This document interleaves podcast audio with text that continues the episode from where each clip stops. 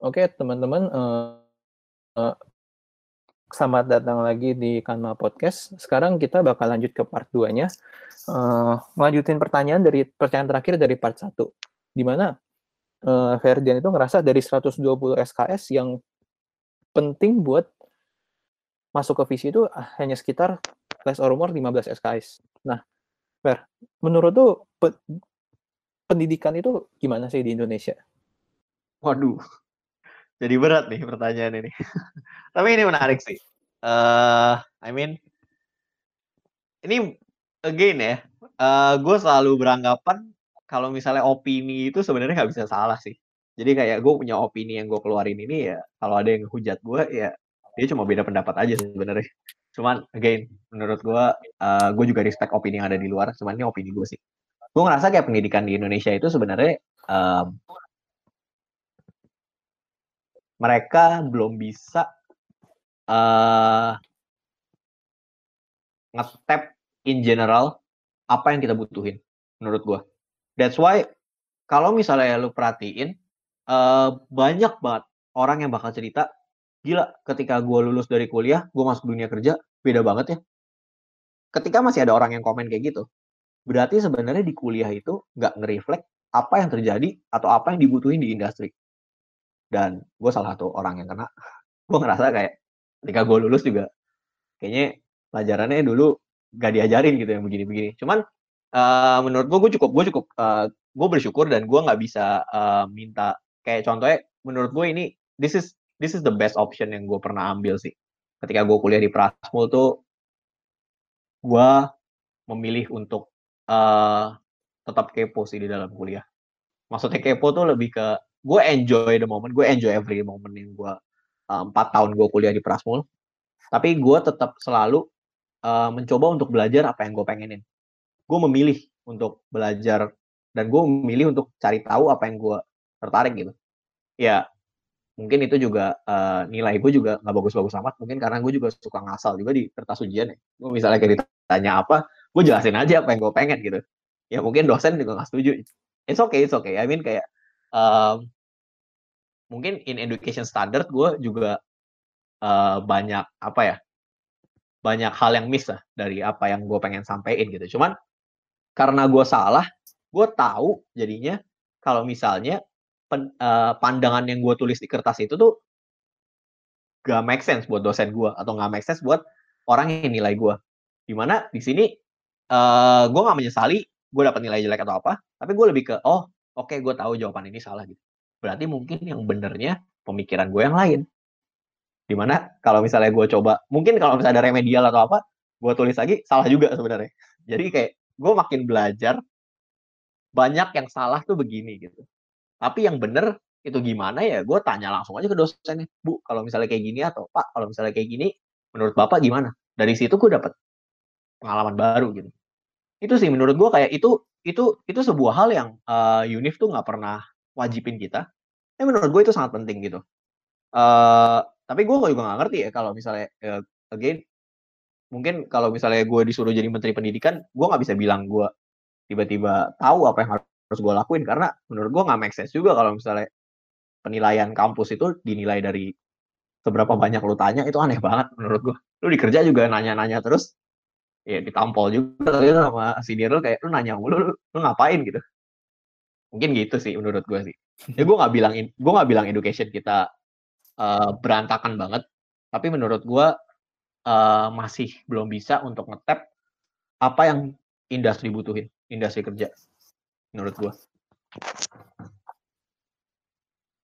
hmm, itu gue setuju banget sih kayak gue setuju industri uh, kita punya pendidikan tuh dibilang berantakan banget enggak tapi selalu ada room for improvement hmm. that's the correct Mak makanya ya semoga ini podcast bisa didengar sama kemen kementerian baru kita, Bapak aduh, Nadiem Makarim. Aduh, aduh, aduh. uh, ini topik yang bakal selalu dibahas di tiap di tiap itu sih, di tiap hmm, podcast karena kita juga pengen oh mahasiswa tuh tahu tahu nggak sih sebenarnya uh, abis kerja, abis dari selesai kuliah tuh di dunia kerja tuh gimana? Karena kadang hmm. tuh ada myth yang uh, yang ini sorry to say ya, mungkin dari faktor pengajar itu juga menurut gue ada bagian-bagian yang udah nggak relevan karena pengajar kan masuk ke job market misalnya bisa di sekitar 10-15 tahun yang lalu. Makanya yang kita interview tuh kebanyakan tuh yang baru lulus. Tujuannya buat oh mereka habis lulus tuh sekarang kayak gimana sih kondisi marketnya gimana. Apalagi kalau di yang kerjanya kayak kayak lu gini di industri yang masih baru banget, di yang kayak divisi atau startup tuh pasti perubahan tuh cepet banget. Nah, Agree, eh, agree, agree banget. lanjut lagi, gue mau lanjut nanya. Sebenarnya dari lu kuliah sama lu kerja, ada nggak sih perubahan mindset yang terjadi? Eh, kalau ditanya ada, pasti ada sih sebenarnya sih. Cuman um, whether or not it's significant atau enggak, um, mungkin yang bisa nilai surroundings gue kali ya. Um. Oke. Ya, jadi kalau misalnya um, gue ngeliatnya gini sih, uh, sebuah hal yang gue percaya dari gue graduation, ketika lu sekolah itu, lu diberi, lu diberi, uh, lu nggak dikasih waktu dan lu nggak dikasih tanggung jawab menurut gue. Karena tanggung jawab yang gue maksud tuh adalah ketika lu sekolah ya, lu bangun dari pagi, lu sore. Uh, gue tanya, jujur deh, uh, berapa banyak sih dari kalian yang sebelum uh, kelas mulai atau sebelum hari berganti itu kalian belajar buat materi besokannya gitu. Kalau misalnya ada ya Oh, praise the Lord Sorry, itu. sorry. Disclaimer dulu, Fer. Lu dulu SMA Kenapa? dan SMP itu di mana? Lu SMA dan Oh. SMP itu di mana? Oke, iya eh, dulu du- dulu dulu gue SMA dan SMP di Penabur dan menurut gue gue pasti yakin banyak banget dari kalian yang eh, mungkin sekolah di Penabur atau di sekolah di eh, negeri atau mungkin sekolah di mana juga yang ya- yang yang sekolah juga em, pasti kalian itu jarang yang namanya mempersiapkan pelajaran untuk esokannya. Dan kalian tetap lulus kan? Ketika kalian sekolah itu tuh kalau misalnya kalian dapat nilai jelek kalian dikasih remet kalian dikasih uh, chance another chance buat kalian memperbaiki nilai kalian gitu. That's why menurut gue tanggung jawabnya very little lah benar-benar kecil banget. Itu kalian bisa dibilang semua udah diaturin sama guru. Kalian tuh harus lulus kalian tuh harus dapat ilmu yang kita mencoba untuk uh, berikan ke kalian gitu. Tapi kalian nggak diberi waktu. Kalian nggak dikasih waktu untuk mempelajari apa yang kalian mau. Ketika kalian kuliah tanggung jawab yang dikasih ke kalian kalian dikasih waktu juga. Model-modelnya adalah kayak dosen nggak peduli kalian mau ngapain dosen nggak peduli kalian mau ke puncak hari ini besok mau UTS atau kalian mau ke Bogor atau kalian mau ke Bandung terserah. Yang penting gue kasih lu UTS kalau kalian fail ya udah. Tanggung jawab lu sendiri. Lu atur sendiri diri lu. Tapi gue kasih kalian waktu kebebasan untuk kalian belajar apa yang kalian mau dan gimana cara kalian belajar itu kalian atur sendiri. Dan ketika kerja menurut gue lu dikasih tanggung jawab dan lu gak dikasih waktu menurut gua. Lu di set dari 9 to 5. Kalau misalnya kalian milih untuk pekerja kantoran, uh, kalian di set dari 9 to 5 untuk kalian mengerjakan sebuah tanggung jawab dan kalian diberikan tanggung jawabnya, bro, tolong kelarin ini besok. Padahal kalau misalnya zaman-zaman kuliah atau zaman-zaman sekolah, ini tuh tugas buat seminggu. Gimana pun caranya kelar besok. Itu modelnya menurut gua kayak uh, gap yang ada sih kita nggak diajarin untuk gimana caranya kita um, belajar untuk maximize our time wisely itu juga ada gap di situ. Ya soalnya menurut gue ini kayak pandangan uh, mungkin pandangan gue personal kali ya. Gue ngeliatnya kayak gitu sih. Ketika kerjaan tuh tiba-tiba ada huge leap antara time management dan tanggung jawab. Menurut gue gitu sih. Hmm. Sekarang work hour lu tuh kayak gimana sih di dunia kerja, khususnya di visi gitu. Mungkin kalau nanti yang dengerin podcastnya dan tertarik masuk visi, biar mereka tuh juga lebih siap secara baik Oh. secara mental maupun fisik. Oke oke. Eh, ini personal, eh, again, gue mungkin eh, bisa ngomong ini cuman karena perspektif gue juga habis lulus, gue juga eh, cuma punya working experience di visi ya. Biarpun visinya beda, mandatnya satu sinergi, satu investment, um, financial investment, tapi dua-duanya tetap visi gitu. Eh, pengalaman kerja gue sebelumnya auditor sih, eh, internal audit di um, di sebuah family office gitu. Dan kalau misalnya dari eh, balik ke pertanyaan Howard, kalau misalnya buat pekerjaan visi menurut gua um, again karena mungkin gua orangnya juga uh, pernah puas sama apa yang gue kerjain juga mungkin dibilang perfeksionis sih nggak juga ya kadang gue juga ada momen di mana gue kayak rage quit gitu kayak wah udahlah yang penting ini udah men- mengeluarkan jawaban dan jawabannya perfect atau enggak, ya gue nggak tahu. Ntar tunggu komen aja, itu gue juga pernah. Tapi on regular day to day basis, biasa gue itu kerja dari jam 9, um, masuk kantor jam 9 nih. Terus jam 5 kan harusnya after office tuh udah kelar tuh.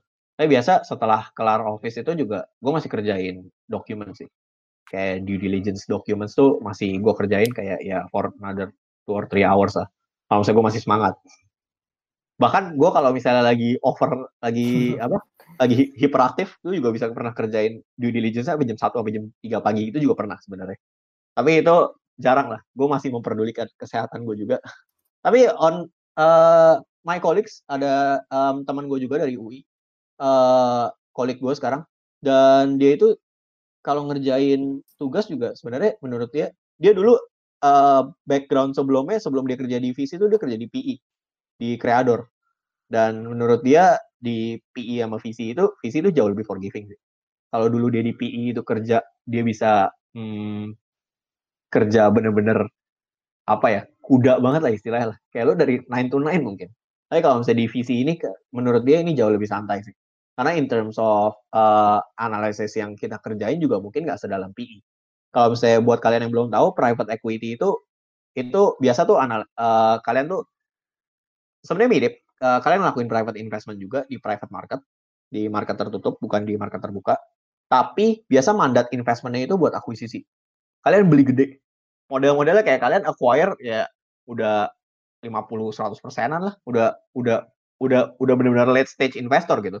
Nah, kalau misalnya kalian buat analisis buat akuisisi yang 50 sampai 100 persen kayak gitu, kan kalian kan beli dalam jumlah yang sangat besar kan. Kalian beli perusahaan 50 persen gitu itu gede banget kan. Dan jumlah-jumlah itu tuh harus dianalisisnya ya. Tiap transaksi harus kalian breakdown satu-satu. Kalau model-model divisi ya emang lebih forgiving sih. Kita karena kita masih early juga. Kalau misalnya kita mau ngelakuin hal yang sama dengan standar PE juga balance sheet mereka juga masih belum sebanyak perusahaan-perusahaan yang udah mature banget gitu. Konsepnya gitulah. Menurut gue divisi itu ya sebenarnya mungkin in general pada bilang 9 to 6, 9 to 7 tuh cukup sih sebenarnya nggak perlu sampai 9 to 9 consultant mah bisa 9 to 9 lagi atau even 9 to 1 9 to 1 pagi ya 14 jam gitu Betul, Hmm, menarik.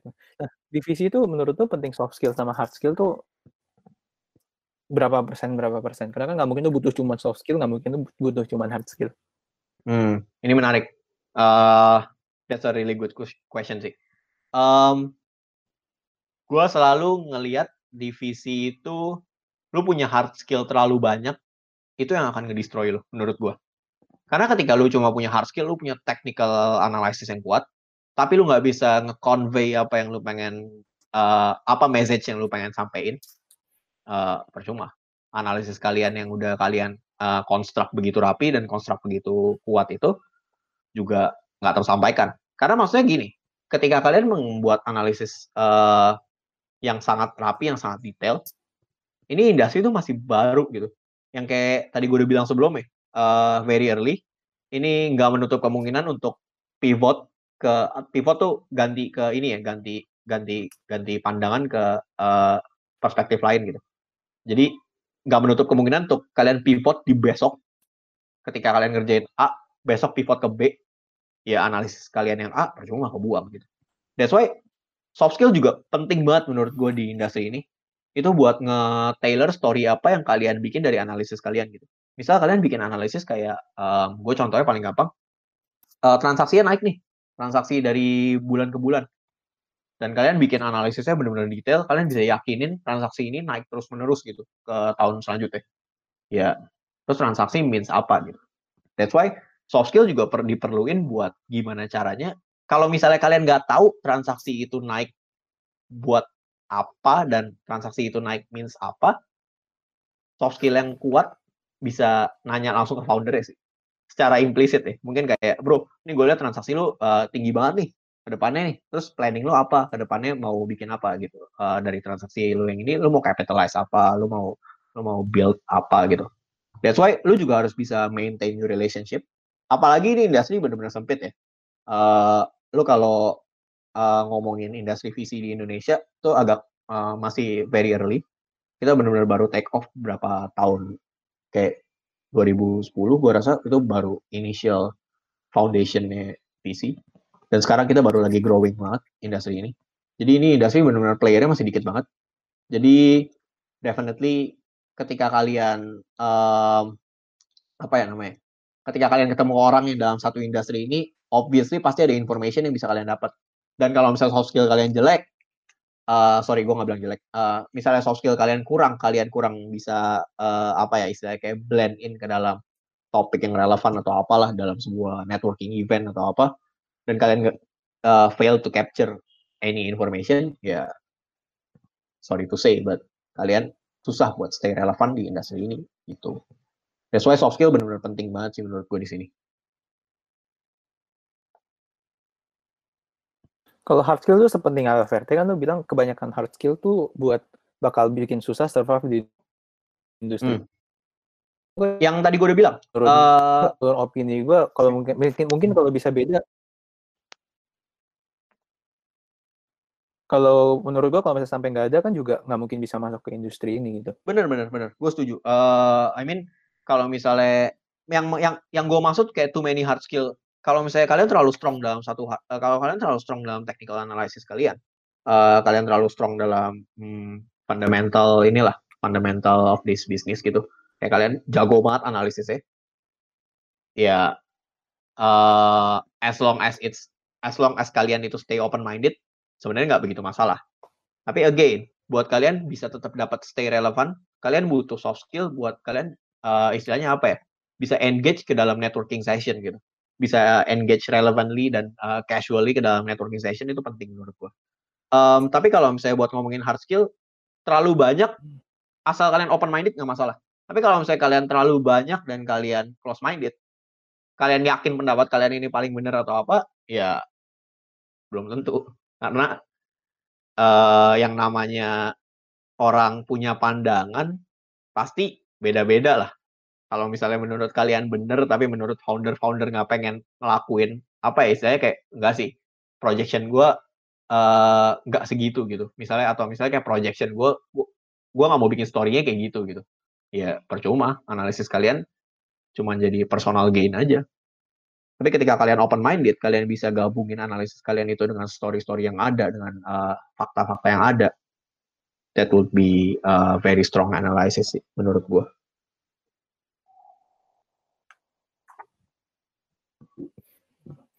uh, terkait kuliah lu gitu. Menurut lu di dalam kuliah, aspek apa sih yang paling berkontribusi buat bisa ngelit lu ke industri ini dan jadi diri lu sekarang? Uh, menurut gua mindset, mindset gua sih. Gua dulu bener-bener um, bersyukur. Gue punya mindset tuh orangnya nggak pernah nyesel dalam mengambil sebuah keputusan ya. Ini, uh, which means gue selalu enjoy every moment sih di kuliah gue.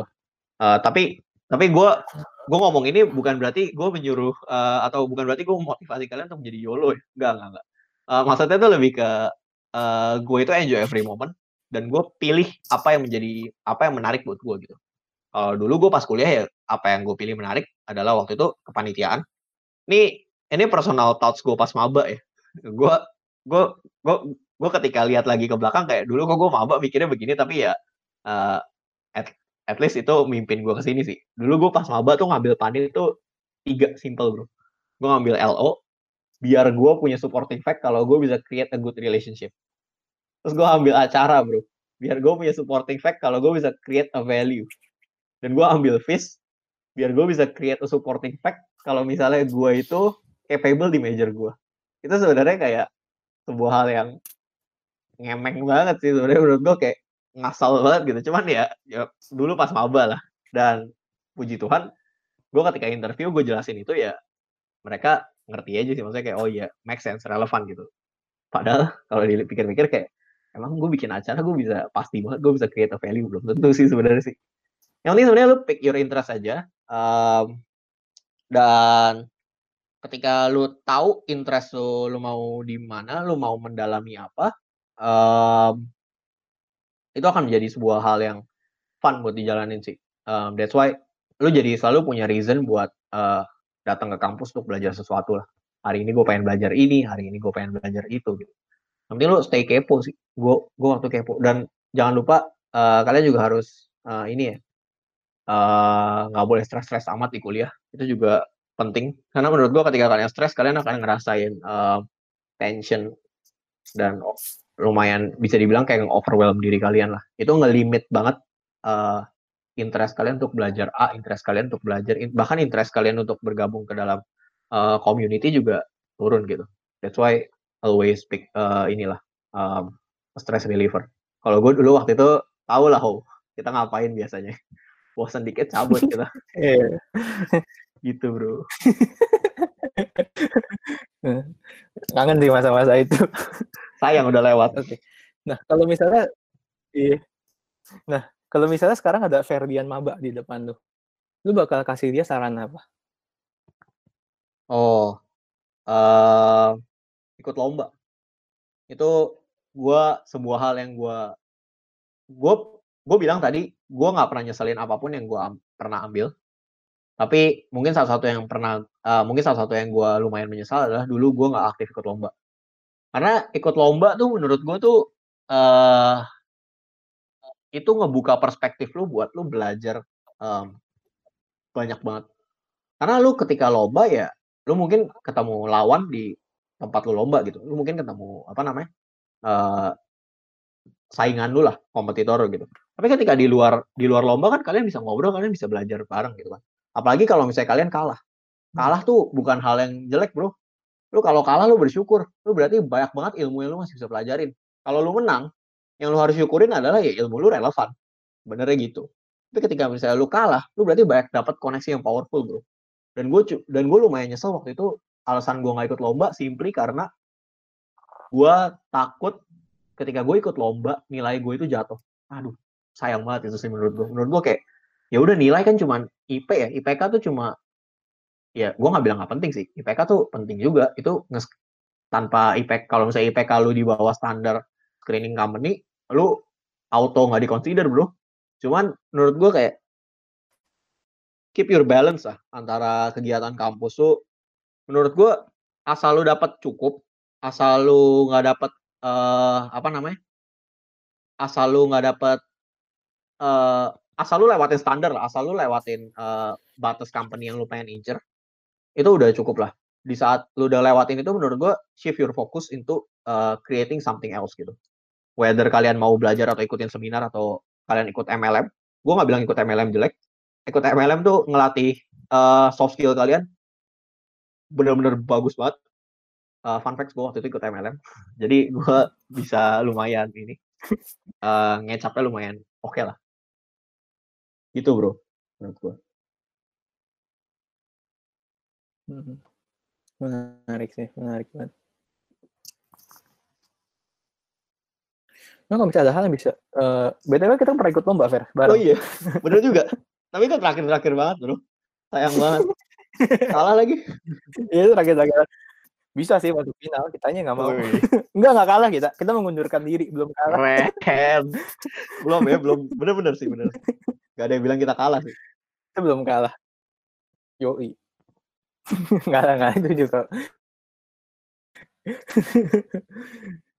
itu juga pengalaman menarik sih gue iya, setuju ya, banget ya. ya lu bilang kayak ikut lomba tuh karena gue kan orangnya dari maba udah ikut lomba dan lomba pertama gue tuh eh lomba pertama gue tuh lomba tersusah yang pernah gue ikut sampai sekarang hmm.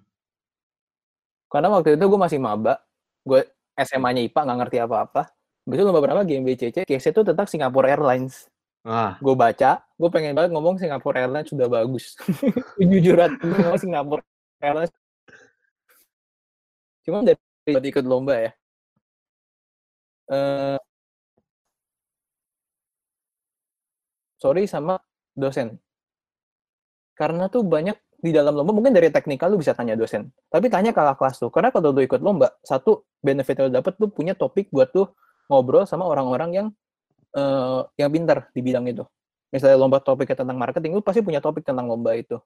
Dan yang kedua, gue setuju banget uh, di lomba itu lu bisa kenal sama banyak orang dan kadang dari orang itu yang menarik tuh lu bisa ngeliat perspektif dari kampus lain karena tiap kampus tuh punya gayanya masing-masing Agree, agree banget. Nah, Ketika gue eee, kerja lagi, juga oke. oh ya, Gue masih gue pengen nanya, eee, lu kan tapi kan lu kan ikut kepanitiaan kan? Salah satunya PO event IBC. Nah, itu ada nge-shape lu nggak sih? Di kepanitiaan itu khususnya? Banget, Bo.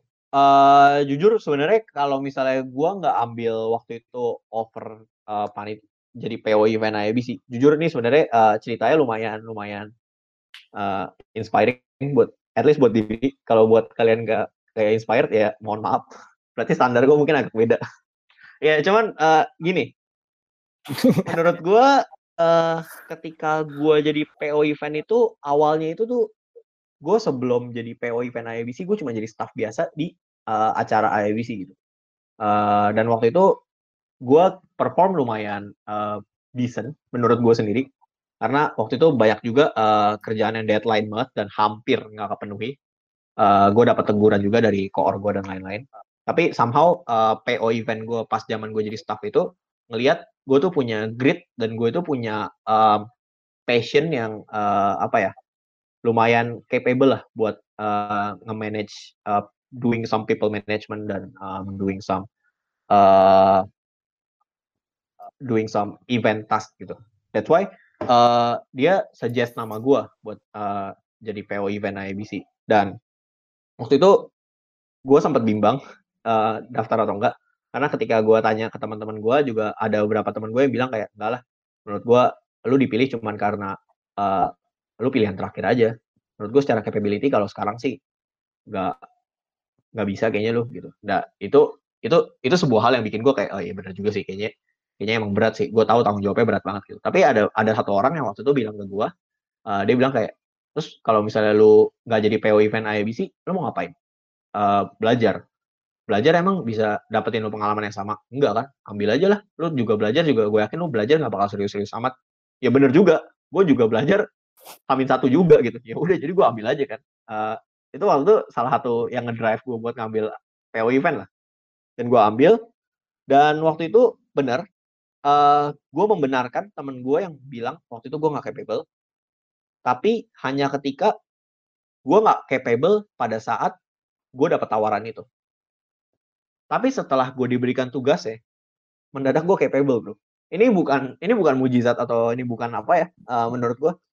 Ini again, ini gara-gara mindset sih menurut gua sih. Eee, ketika lu memutuskan untuk, eee, mempunyai apa ya, sense of belonging terhadap sebuah, eee, responsibility yang lu dapet atau responsibility yang lu punya, lu akan, eee, at least ini dalam diri gue sendiri ya, dalam diri gue sendiri, gue akan melakukan apa pun untuk mempertahankan responsibility gue, untuk menyelesaikan tanggung jawab yang gue punya.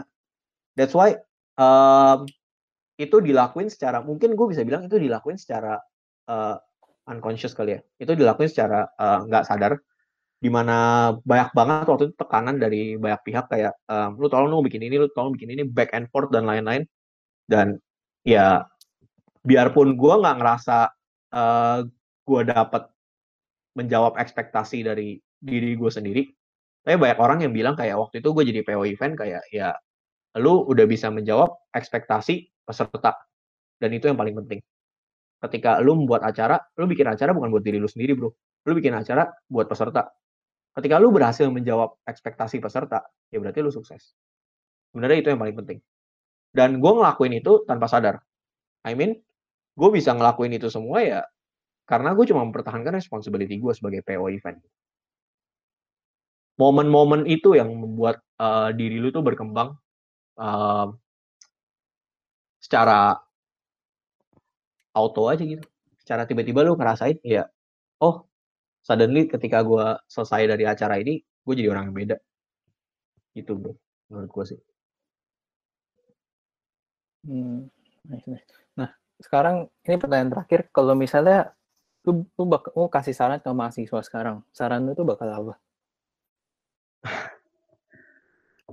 Again, eee, kalau misalnya ngomongin soal, eee, opinion, ngomongin soal, eee, diri sendiri atau diri diri orang lain, gua gua always gua always mikir kalau misalnya, eee setiap orang itu uh, berharga lah. I mean, gue akan selalu respect uh, setiap orang. Gue akan selalu respect every uh, opinion orang. Uh, dan ketika orang lain mau milih untuk um, gak belajar, orang lain milih untuk mencari uh, fun karena misalnya dia udah, let's say, misalnya dia udah secure sama um, bisnis orang tuanya atau apa, gue nggak masalah. I mean itu uh, that's your choice gitu. Cuman menurut gue kalau misalnya gue bisa ngasih saran, lebih ke ini sih. Ketika kalian dikasih kesempatan untuk belajar, ketika kalian masih punya privilege untuk kalian um, kuliah, manfaatin itu. Dan gue yakin banget, biarpun kuliah itu atau education system itu uh, gak seperti yang gue harapkan, tapi education system kita itu oke okay lah. I mean kita itu masih uh, banyak banget always apa ya istilahnya kayak education system kita itu masih allows kita buat improve gitu. Dia nggak ngelimit kita untuk um, untuk bener-bener kaku amat. At least ini yang gue rasain di Prasmul ya. Uh, gue ngerasa kayak kalau misalnya di kampus gue itu tuh lebih ke ya lu mau ngomong apa aja terserah. Tapi kalau misalnya dalam ujian lu ditanya apa, ya itu yang menjadi nilai lu. Ya gue setuju aja. Maksudnya kayak yang kayak, yang kayak tadi gue udah bilang. Ketika misalnya gue tulis apa di ujian dan dosen gak setuju, salah, fair banget menurut gue. Dan gue dapet jelek ya fair banget. Uh, cuman gak pernah ada selama gue kuliah di Prasmul, dosen gue tanya A, dia nggak jawab. Semua dosen ketika ditanya itu senang dan I mean lu pilih lah apa yang lu uh, apa yang menjadi interest lu dan um, jadikan itu sebagai sebuah reason for you to uh, wake up every day and to learn about something new. Menurut gue itu sih. Pick your interest, bro.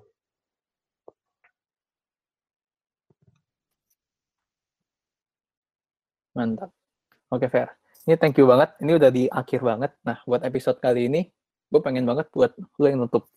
Lu boleh recap semuanya. Boleh kayak pesan-pesan apa sih menurut lu penting gitu. Waduh.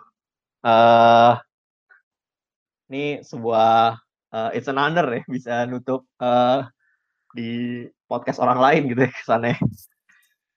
Oke, okay, mungkin kalau misalnya buat um, every listener, uh, thank you banget yang udah dengerin dari awal sampai akhir. Oh, mungkin kalau misalnya gue bisa uh, ngasih beberapa message ya, pasti gue as a practitioner, as a direct practitioner yang uh, kerja langsung, yang hands on langsung di industri ini, mau bilang aja sih, ini industri bener-bener lagi, kita tuh sekarang tuh lagi di era di mana kita itu um, bener-bener dihadapin sama perubahan yang signifikan banget. Industri 4.0, uh, digitalization, you name it lah. Intinya kita tuh bener-bener lagi ngalamin um, transition lah. Kita tuh lagi towards uh, walking or uh, towards new era gitu. Dan menurut gue banyak banget peluang uh, untuk kalian uh, untuk bisa relevan di industri ini. Untuk kalian bikin, uh, untuk kalian make your name, untuk kalian carve your name through history, itu bisa banget menurut gue di industri ini. Uh, yang paling penting adalah menurut gue tekad uh, dan jangan pernah buat uh, berhenti belajar karena industri ini bergerak cepat kalau kalian berhenti belajar, kalian puas untuk belajar, gue nggak tahu apakah ilmu yang kalian udah puas itu bisa membantu kalian untuk survive. Karena secara gue alamin secara personal, um, hari ini gue ngerjain apa, besok bisa beda. Bahkan kemarin gue habis belajar apa, hari ini gue kira relevan, besok tahu-tahu nggak relevan gitu. That's why menurut gue paling aman adalah untuk lu terus fill up your uh, knowledge sampai kalian udah benar-benar bisa tahu apa yang kalian mau kerjain nggak, nggak tetap tetap jangan pernah belajar eh, tetap jangan pernah berhenti untuk belajar sih menurut gue sih karena dan menurut gue belajar itu menarik kalau kalian bisa ambil apa yang kalian pengen ya jangan pernah belajar untuk sesuatu yang kalian emang nggak tertarik gitu itu uh, other than itu buang waktu ya menurut gue itu ini aja sih kayak uh, capek-capekin kalian aja sih. Dan buat yang masih kuliah juga uh, jangan lupa buat enjoy your moment lah. Karena kuliah itu benar-benar sebenarnya menurut gue biarpun yang kayak tadi gue udah bilang, kuliah itu kalian dikasih tanggung jawab dan kalian dikasih uh, waktu. Itu adalah momen di mana kalian bisa ngatur kalian mau ngerjain tanggung jawab kalian bagian mana kalian mau memperkuat diri kalian bagian mana dan kalian mau belajar bagian apa itu adalah momen kalian semua. Jadi don't let any anyone atau anybody takes your moment bro. Begini hmm. Oke okay, fair thank you banget. Thank you banget Kanma for hosting me. Kudos to every one of you uh, buat ngejalanin startup. Ini benar-benar sebuah hal yang keren banget menurut gua